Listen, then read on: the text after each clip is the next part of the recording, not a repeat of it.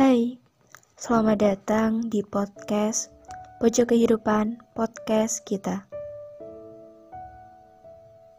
Udah seiman tapi sayang gak seamin.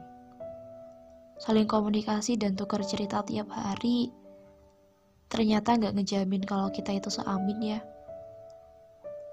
Kamu sering kirim foto random kegiatan kamu ke aku, selalu cerita tentang hari-hari kamu. Aku kira itu udah cukup ngebuat kita jadi sovisi. Tapi ternyata yang berharap supaya kita bisa seamin cuma aku aja. Kamunya enggak. Salah ya ketika aku milih buat yakin kalau kamu juga punya perasaan yang sama kayak yang aku rasain gitu. Padahal selama ini kamu aja gak pernah ngungkapin perasaan kamu ke aku.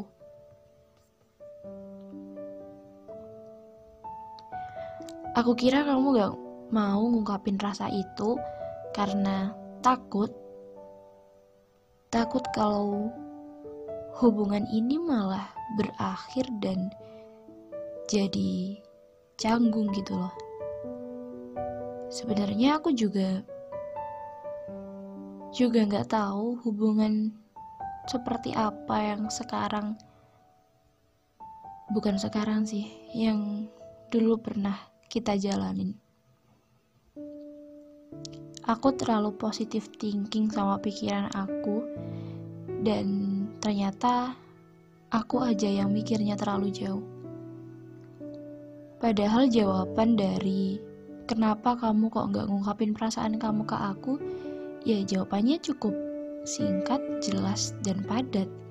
Kayak, kenapa kamu harus ngungkapin perasaan kamu ke aku padahal kamunya aja gak ada perasaan sama sekali. Dan cuma nganggep aku sebagai teman aja. Lucu banget ya. Cuma aku yang antusias sama cerita ini. Cuma aku yang antusias sama cerita kita.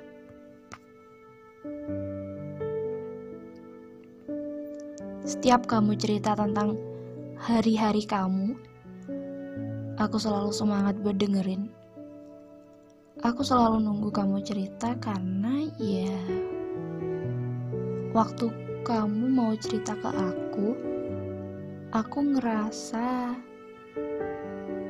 aku ngerasa kayak itu tandanya kamu nyaman kan sama aku. Dan salah lagi-lagi salah. Aku salah ngertiin rasa nyaman itu. Aku terlalu yakin sama opini aku. Aku terlalu yakin sama perasaan aku sampai lupa kalau ada banyak kemungkinan lain gitu loh. Oh iya, satu lagi. Aku selalu seneng waktu kamu tiba-tiba ngirim foto kegiatan kamu ke aku dan sekarang dua hal itu cukup ngebuat candu. Candu yang aku masih bingung gimana caranya bisa ngehilangin rasa itu, gimana bisa ngehilangin dua kebiasaan itu. Ya sebenarnya udah hilang sih kebiasaan itu. Karena kan kamunya juga udah gak ada di sini. Otomatis siapa gitu yang cerita ke aku? Siapa yang ngirim foto foto-foto random kegiatan? Padahal ya yang cuma ngirim dua hal itu kan kamu gak ada yang lain. Rasanya kosong. Kalau dulu ada pesan yang selalu ditunggu-tunggu selalu ngelihat notifikasi HP selalu sering ngecek HP cuma buat mastiin kalau kamu udah ngechat apa belum gitu loh. Dan itu sangat menarik. Tapi lagi-lagi sayangnya sekarang semuanya udah gak sama. Kalau dulu mungkin aku masih bisa sih ngerubah yang tadinya gak seamin biar jadi seamin. Tapi kayaknya untuk sekarang udah gak bisa ya gimana mau ngerubah gitu loh orang kamunya aja udah gak ada di sini, kamunya aja udah pergi.